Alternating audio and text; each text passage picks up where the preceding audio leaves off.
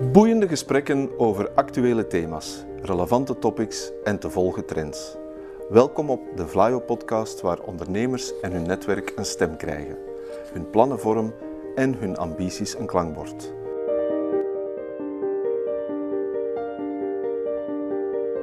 To the point waar het kan, dieper gravend waar het moet. Inspirerend, informerend, ondersteunend. Van artificial intelligence, blockchain en circulaire economie tot digitale zorg. Wij knopen het in jouw oren.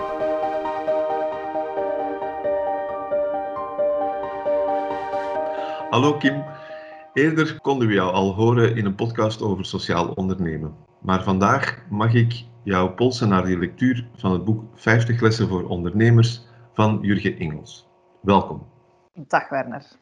Vertel eens eerst wie Jurgen Ingels is en waarom we zomaar van hem lessen mogen aanvaarden. Goh, ik denk dat het moeilijk gaat zijn om een luisteraar te vinden die de naam Jurgen Ingels nog nooit gehoord heeft. In ondernemend Vlaanderen klinkt zijn naam als een bel. Hij was de drijvende kracht achter het internationaal succesvolle Clear2Pay.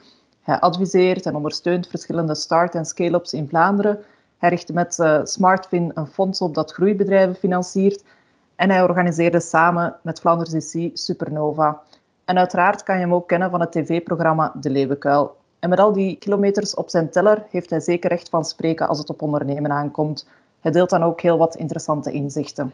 Oké, Kim, ik hoor je. Maar voor wie zijn die lessen vooral bestemd?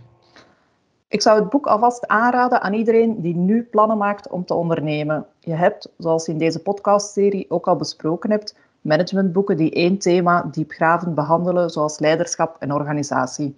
En dat is prima als je al weet waar je naar op zoek bent. Maar dit boek is anders. Het behandelt een brede waaier aan ondernemerstopics. En dat is handig voor als je je wil oriënteren. Van sales pitches tot aanwerven, van vergaderen tot kosten maken. Alles passeert aan een sneltreinvaart voorbij. En zo krijg je wel een goed beeld van wat er allemaal bij ondernemerschap komt kijken. En vind je dan iets waarin je je echt wil verdiepen, ja, dan zijn er genoeg boeken om in die behoefte te voorzien. En daarmee wil ik natuurlijk niet gezegd hebben dat de ervaren ondernemers dit boek ongelezen kunnen laten, want ik ben ervan overtuigd dat ook zij nog op een aantal plekken verrast de wenkbrauw zullen fronsen. Aha, daar wil ik wel wat meer over weten. Welke geheimen geeft Jurgen Engels prijs? Een heel sterk punt dat in wel vijf lessen terugkomt, is dat van tijd. Zoals het spreekwoord zegt, gaat die tijd snel en gebruik je hem beter wel. En op dat vlak is de schrijver helder. Zoek naar manieren om je tijd efficiënt te gebruiken. Zijn er manieren om tijd te besparen? Denk maar aan vergaderingen. Dan moet je dat vooral doen. Niet voor niets gaat de allereerste les net daarover. Dat je met 1% extra tijd, gespreid over een heel jaar, een gigantisch verschil kan maken. Jurgen Ingels noemt het de kracht van de extra mile. En die heeft hem alvast heel ver gebracht.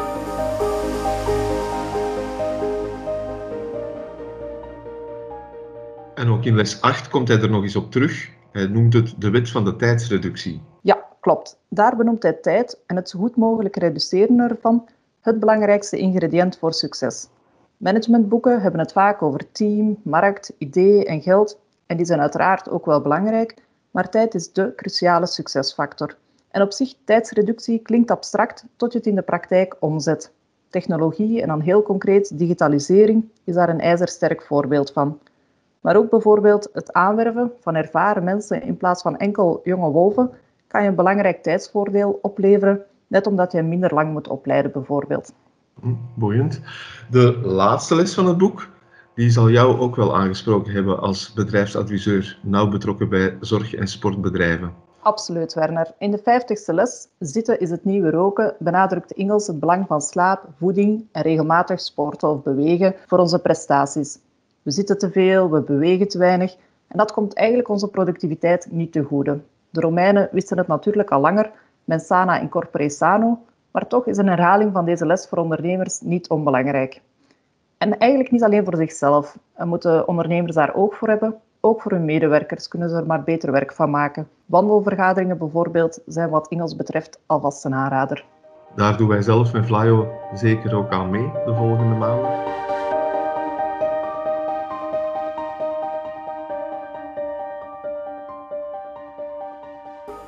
Laten we ter illustratie misschien ook even iets grappigers nemen. Het illustreert een beetje het boek. Uh, wat is het kalkoensyndroom? Ja, juist. Uh, dat berust eigenlijk op een familiale anekdote, waarbij Jurgen zijn zoon opdroeg om 700 gram kalkoen bij de slager te halen. En die zoon ging naar de slager, kwam thuis met 700 gram charcuterie. dat was niet de bedoeling, want Ingels wilde er een pasta mee maken en dat was natuurlijk niet zo handig. Maar alleen dat van die pasta had hij er niet bij verteld toen hij de opdracht aan zijn zoon meegaf. En het is een beetje een flauwe privégrap, maar het illustreert wel mooi over hoe het referentiekader waarmee je als ondernemer de wereld bestormt anders is. En je bent er maar beter bewust van dat alle andere mensen die je gaat ontmoeten eigenlijk vanuit een heel ander referentiekader naar jou kijken.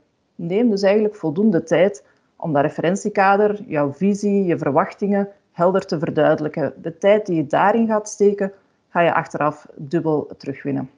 Oké. Is, er, is er nog een les waar jij als uh, ervaringsdeskundige met ondernemingen geïnteresseerd in was of waar je je toe aangetrokken voelde? Ja, die van parallel werken in les 14, die wil ik wel meegeven aan de luisteraar. Ingels is een voorstander van parallel werken, wat eigenlijk wil zeggen dat hij zich niet wil vastpinnen op één job in één sector. Door tegelijkertijd actief te zijn in verschillende sectoren en voortdurend nieuwe ervaringen op te doen, niet alleen werkgerelateerd, zeker ook in de privésfeer, is eigenlijk jouw leercurve veel steiler dan iemand die enkel serieel werkt en zich altijd maar verdiept in één bepaald iets. En ik denk, voor jonge mensen lijkt me dat eigenlijk wel belangrijk. Niet alleen voor jonge mensen uiteraard, maar probeer toch van zoveel mogelijk zaken te proeven en ga na waar jouw echte talent en passie zit.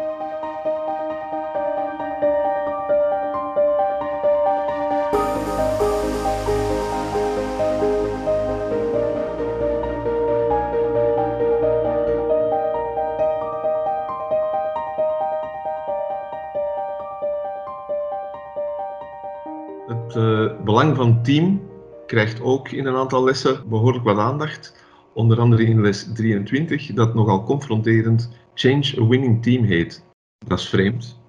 Ja, dat klinkt misschien een beetje verrassend, maar eigenlijk als je er langer over nadenkt, is het ook niet onlogisch. Een bedrijf dat vijf of tien jaar bestaat, is er nu eenmaal niet meer het bedrijf dat er eigenlijk toen aan begonnen was.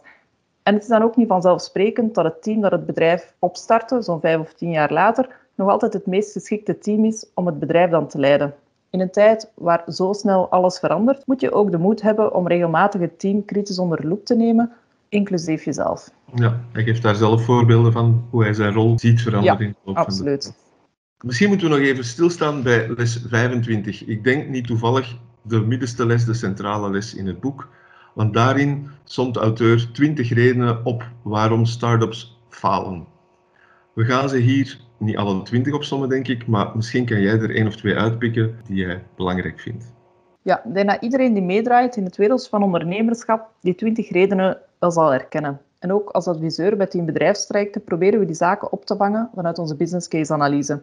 waar we peilen naar idee, de product market fit, de vermarkting, het team en de financiering. En al die elementen zie ik ook op verschillende vormen terugkomen in deze les. En als ik er dan twee mag uitkiezen, dan neem ik als eerste het verkeerde team. Ik spreek soms jonge starters die vanuit een gezamenlijke passie of achtergrond een nieuw product of dienst ontwikkelen en daar rond een bedrijf gaan opstarten. Het probleem is dat die expertise vaak te eenzijdig is en dat er dus belangrijke kennis ontbreekt. Bijvoorbeeld een goed salesprofiel, goede marketing, een goede financiële man. En als start-up moet je hier ook ogen voor hebben. Ken je eigen sterktes en zwaktes en probeer die hiaten in te vullen.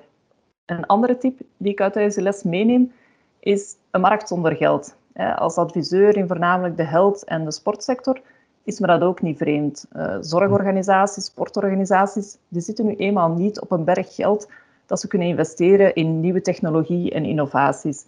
Het advies van Ingels luidt, zoek naar een markt waar er wel geld zit, zoals de banken bijvoorbeeld. Nu, dat wil niet zeggen dat eh, de sport- en de zorgsector niet interessant zijn om in te ondernemen. Absoluut niet. Maar je moet er natuurlijk wel rekening mee houden in jouw businessmodel en gaan kijken, ja, de betalende klant gaat misschien niet de gebruiker zijn of gaat een andere revenue stroom moeten voorzien. Uh, je moet er gewoon rekening mee houden.